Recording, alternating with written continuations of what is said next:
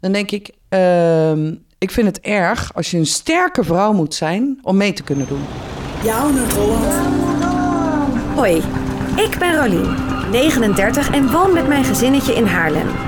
In deze podcastserie ga ik op zoek naar antwoorden op vragen van jou over wonen, werken en ontspannen in Noord-Holland. Want het is natuurlijk. Jouw Noord-Holland. Jouw Noord-Holland. Opnieuw, een vraag van jou die ik probeer te beantwoorden door Noord-Holland in te gaan.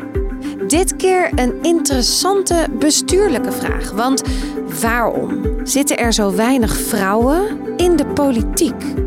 Straks ga ik langs bij de burgemeester van Heemstede. Ja, een vrouw. En dat is niet vreemd, want sinds de jaren 90 waren er meer vrouwelijke burgemeesters in Heemstede. En ik ben benieuwd naar haar ervaring als vrouwelijke burgemeester, maar vooral ook als vrouw in de politiek. Jouw Noord-Holland. Eerst de geschiedenis van de vrouw in de politiek in de provincie Noord-Holland. Want die begon in 1946. Toen kreeg Noord-Holland haar allereerste vrouwelijke gedeputeerde, Lisbeth Ribius Pelletier. Zij is haar hele leven betrokken geweest bij vrouwenemancipatie en vrouwenrechten. En daarmee was zij voorvechter voor de rechten en de waardering voor alle vrouwen na haar. En dus ook voor mij. Je hoorde Sylvana Simons, die dit jaar de Ribius Pelletier-penning kreeg van de provincie Noord-Holland. Maar waarom zitten er 75 jaar na haar entree nog steeds zo weinig vrouwen in de politiek? Het is eigenlijk een, een, een, breder proces. En in elke fase van dat proces hebben vrouwen en, en meisjes een, een, een, achterstand. Het is vooral een hele lange weg die nog niet voltooid is. Dat vertelde Lisa Mugge mij in een Zoom-sessie vanuit Berlijn. Lisa is hoofddocent politicologie van de Universiteit van Amsterdam. En dat begint dus heel simpelweg al met wat voor verhalen lezen we onze kinderen voor? Wat voor beelden uh, geven we onze kinderen mee? Van wat zijn mogelijke uh, beroepen die je kan doen? Dingen die je kan doen? Wat is het stereotype beeld wat we hebben van een politicus? En nou ja, een van de voorbeelden die ik altijd uh, uh, tot, tot, tot op voor kort vaak gebruikte, was het Jeugdjournaal. In 2017 was er een verkiezingsdebat werd, wat werd uitgezonden met vijf of zes uh, witte mannen in een blauw pak. Nou ja, dat is dan zo'n heel tastbaar voorbeeld dat je denkt, nou, als meisje van tien denk je dan niet, hè, leuk, politiek, daar ga ik aan meedoen als je zo'n beeld meekrijgt. Nou ja, afgelopen verkiezingen was het alweer heel anders, want toen waren er twee vrouwelijke lijsttrekkers die meededen aan het Jeugdjournaal debat. En dat is al een, uh, echt een belangrijk verschil. Dus iedereen kan een verschil maken bij die beelden die we hebben van wat is een politicus en wie kan dat uh, ambt uitvoeren. Ja. Nou, dan heb je op een gegeven moment de fase dat, dat, dat je gaat van aspirant naar kandidaat. Dus op papier is het zo dat iedereen heeft gelijke rechten in Nederland met Nederlands staatsburgerschap vanaf 18 jaar. Je kan je gewoon verkiesbaar stellen, uh, je, je kan je aanmelden, je wordt geselecteerd of niet door een kandidaatstellingscommissie. Maar uh, er is een heel proces wat daar achter zit. En in de literatuur, uh, in de politicologie, wordt het ook wel de geheime tuin genoemd. Dus het is niet iets wat typisch Nederlands is, maar echt internationaal. Dat er een proces achter zit met heel veel ja, informele lobby, netwerken. Wie kent wie? Wie doet even een belletje voor je? Die zegt van, hé, hey, nou die Rolien, heb je die al een keer gezien? Die is echt heel goed hoor. Je, dus dat soort dingen maken allemaal uit. Wat betekent dat als je nieuwkomer bent, dus, uh, en nog niet zo, zulke stevige netwerken hebt, of niet komt uit een familie waarin iedereen al jarenlang meedraait in een partij of zo, dan heb je daar opstartkosten. En we zien dat vrouwen, maar ook mensen van kleur bijvoorbeeld, daar een achterstand hebben in die, in die netwerken. Jouw Noord-Holland. Ik sta nu voor het gemeentehuis van Heemstede, want ik heb zo afgesproken met de burgemeester Astrid Niehuis. En het is echt heel erg, maar ik ben dus best wel een beetje zenuwachtig. Omdat, uh, ja, ik weet het niet. Ik vind het spannend om met een vrouw in de politiek, hoge positie, om daar vragen aan te stellen. En ik wil ook de juiste vraag stellen. Ik wil proberen echt een beetje te kijken wat de ervaring is. Oké, dan laat ik er bij de raadzaal uh, daar zitten, ja? Oké, doe, doe. Je mag daar plaatsnemen. Het gesprek dat ik met Astrid heb is echt in haar eigen burgemeesterkamer. En als we gaan zitten wil ik natuurlijk als eerste van Astrid weten hoe zij de politiek in is gegaan en waarom ze uiteindelijk burgemeester is geworden. Eh, ik was eh, docent van de universiteit, advocaat, officier van justitie.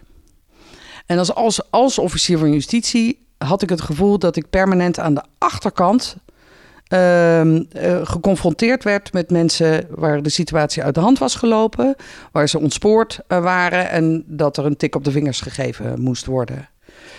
En dat is toch niet, wat strookte niet helemaal met de bijdrage die ik wilde leveren aan de samenleving. Namelijk niet als het te laat is, maar al heel aan de voorkant. Ja. Dus ik was al overtuigd van mezelf dat ik een bijdrage kon leveren. Maar was dat een, was dat, kwam je, ben je tegen veel dingen aangelopen, ook qua uh, dat het inderdaad veel mannen waren? Was het een harde weg, omdat je moest je, je veel meer bewijzen als vrouw? Of viel dat allemaal wel mee, naar, richting jouw carrière in de politiek, naar deze functie? Nou, ik denk dat in het algemeen vrouwen het gevoel hebben dat ze zich meer moeten bewijzen om er te komen.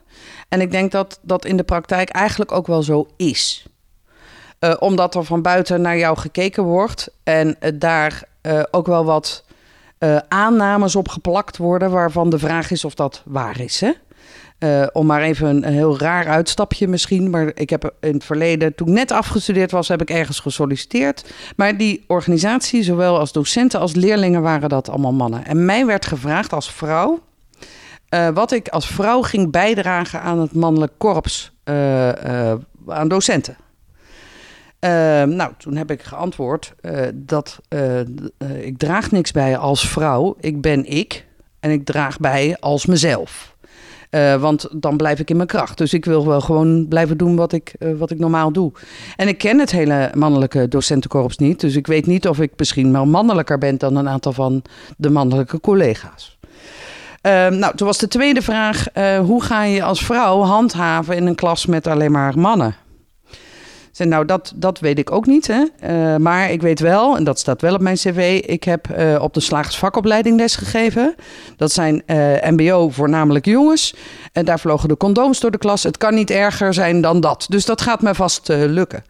Maar dan zie je dat in zo'n gesprek op jou als vrouw dingen geplakt worden. En sterker nog, gênant dat uh, vanuit dat geplakt worden, vanuit het veronderstellingen, je ook vra vragen krijgt daarover. Terwijl ik me niet kan voorstellen dat uh, mannen gevraagd worden of ze nog kinderen willen krijgen. Al dat soort uh, dingen, de dingen die we allemaal kennen als vrouw zijn. Vrouwen in de politiek hebben nog steeds veel te veel te maken met seksistische, discriminerende en vrouwonvriendelijke opmerkingen. Kijk naar Sigrid Kaag of Sylvana Simons. Maar hoe ervaart Astrid dit zelf en hoe gaat zij daarmee om? Uh, ik, ik heb dat zeker in de jaren uh, uh, dat ik nu bestuurder ben wel meegemaakt. In Heemstede overigens minder dan in mijn vorige gemeente. Maar ik vind dit in het algemeen wel een uh, bijzonder fenomeen ja. eigenlijk. En Sigrid Kaag heeft het natuurlijk ook extremo meegemaakt. 13.000, weet ik veel wat, tweets die inzoomen op gender, in seksen, om, in seksen, in de reacties. En dat, dat is eigenlijk gewoon op zijn minst een bevestiging dat het nog niet normaal is om vrouwen uh, als lijsttrekker te hebben of als burgemeester te hebben, wethouder te hebben. Uh, en eh, die, dat verschil in bejegening is, is eigenlijk gewoon schandalig. Ehm, dat is ook een van de redenen waarom ik denk, want andere vrouwen zien dat ook. Die zien dat gebeuren en die kijken dan naar, naar Sylvana Simons of naar Sigrid Kaag en die denken dan, jeetje, dat kan je allemaal over je heen krijgen. Daar zit ik niet op te wachten, ik doe niet mee. Uh, en je moet, je moet geen, want dat, dat hoor ik dan ook. Uh, ook zeker de afgelopen maanden hebben ze het elke keer over. Ja, oh, geweldig sterke vrouwen. Dan denk ik, uh, ik vind het erg als je een sterke vrouw moet zijn om mee te kunnen doen. Want je vrouw zijn is genoeg. Eh, en die vrouwelijke dimensie is belangrijk en die moet gewaardeerd eh, worden. En die kent ook een heel breed spectrum. Ehm, maar eh, eh, maar dit, dit werpt, deze bejegening werpt drempels op voor andere vrouwen om, eh, om die stap ook te maken. En vrouwen zitten over het algemeen, maar dat zijn algemeenheden die ik dan zeg, die, die, die floreren wat minder in controversiële settings, in conflictueuze settings. Dus als je dit er dan ook nog gratis bij krijgt, ehm, dan krijg je straks alleen maar sterke vrouwen die de politiek in krijgen. Dat is dan het symbool van de vrouw in de politiek. En al die wat minder sterke vrouwen, tussen aanhalingstekens, eh, die daar dan naar kijken, die zeggen: Oké, ja, je moet dus een sterke vrouw zijn om dat te doen, en anders doe je het niet. En dat is niet goed. Ehm, en, en ik heb daar nog over do- door zitten denken, ook in het kader van de, de MeToo-discussie, maar Black Lives Matter en al dat soort dingen. Eigenlijk hoor je in toenemende mate hele grote groepen mensen die zich eh, miskend voelen. Vrouwen, mensen met een kleur, mensen met een beperking, mensen eh, met een, eh, een buitenlandse achtergrond. Het- Het maakt niet uit. En ik zat daar van de week over na te denken. En toen dacht ik van ja, maar het gekke is, als je al die groepen bij elkaar optelt, dan is dat het overgrootste deel van de samenleving. Vrouwen, mensen met een kleur, mensen met een handicap, eh, eh, LHBTI. eh, niet om het een of het ander, alleen vrouwen zijn al de meerderheid. Laat staan al die andere groepen erbij. Ehm, dus ehm, het zou aardig zijn om met elkaar het maatschappelijk gesprek te gaan, te gaan houden over de overeenkomsten in plaats van over de verschillen. En misschien niet al die groepen afzonderlijk afpellen, maar gewoon te zeggen: eigenlijk wil iedereen gewoon gezien worden. Eigenlijk wil iedereen gewoon aandacht. Eh, eigenlijk wil iedereen gewoon ruimte om van zijn leven te maken wat hij er zelf van wil, zonder het oordeel van een ander. Ja. En ehm, dit moet je niet als vrouwen alleen maar willen. Dit moet je als samenleving willen. Je moet als samenleving willen dat iedereen kan meedoen. Maar hoe kunnen we dat nou doen? We hebben nou eenmaal een hoop vooroordelen en zijn gewend aan onze eigen soms aangeleerde gedachtenpatronen. Ook daar had de burgemeester van Heemstede wel een mooi antwoord op. Wat denk ik eh, zo is, en dat overbrugt misschien het verschil tussen een aantal eh, groepen, is realiseer je dat, dat jij naar de wereld kijkt vanuit een bepaald perspectief. Ik kijk naar de wereld vanuit eh, wit, vrouw, LHBTI, middelbare leeftijd, helaas.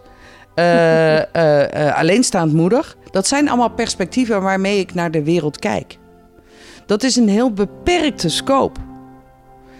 Dus als er dan een dilemma op je weg komt en daar moeten oplossingen voor verzonnen worden, moet ik me realiseren dat dat mijn beperkte perspectief is en dat ik die andere perspectieven nodig heb. En als iedereen dat doet, zich realiseert dat hij nooit een bre- brede blik heeft, dat een man nooit kan eh, begrijpen wat het perspectief van de vrouw is, dat ik als vrouw eh, nooit zou kunnen begrijpen wat het is om gekleurd te zijn. Want dat, dat kan je niet, dat kan je pas intrinsiek voelen als je het zelf bent. Ja. En anders weet je het cognitief wel, maar je snapt het eigenlijk niet. Dus ehm, als we dat van elkaar eh, eh, realiseren, dan is diversiteit een must. Maar is diversiteit ook een feest? Want wat kan ik aan anderen ontdekken? En zo had ik eh, niet zo lang geleden een gesprek. We zaten met twaalf mensen om tafel. Het onderwerp was discriminatie. En er zaten twee mensen van kleur aan tafel. En het ging al heel snel over hen. En over hoe we hen erbij konden betrekken. Nou, dat is op zich natuurlijk geweldig dat dat in één keer gebeurt. Zeg maar, na twintig minuten had ik zoiets van: ik krijg hier toch een beetje een onheimisch gevoel bij. Kunnen we een stapje terug doen? En toen heb ik gevraagd aan al die twaalf mensen: wie van jullie is in jullie leven nog nooit gediscrimineerd? Nog nooit. En toen bleken er maar twee te zijn van de twaalf. Want er zaten ook vrouwen tussen.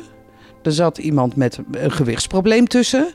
Eh, ik, eh, LHBTI, dat is niet zichtbaar, staat niet op mijn voorhoofd. Hè? Dus, eh, ik zeg maar, dan, dan zitten we dus hier met z'n allen en dan zeggen we eigenlijk... In eerste instantie hebben we dan een gesprek over de minderheid die hier aan tafel zit.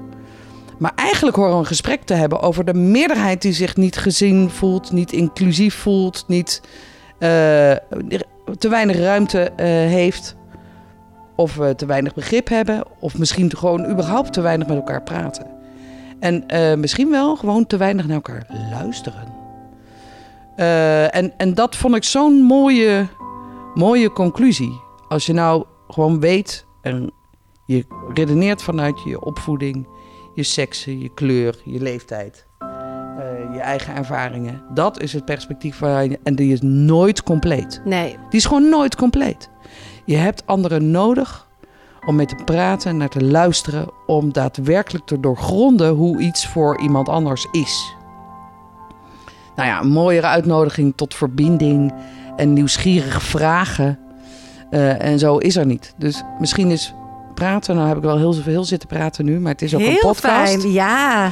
Maar eh, misschien is eh, luisteren, oprecht vragen, niet, niet, niet iets in je vraag waardoor iemand anders zoiets, "Hmm, eigenlijk wil hij dat horen. Nee, oprecht open vragen, nieuwsgierig zijn, willen verkennen, jezelf willen verrijken met wat de ander te bieden heeft, is misschien juist in deze tijd het belangrijkste. Dus ophouden met zenden. Ja. En Dus moet je Facebook ook uitzetten. Ja.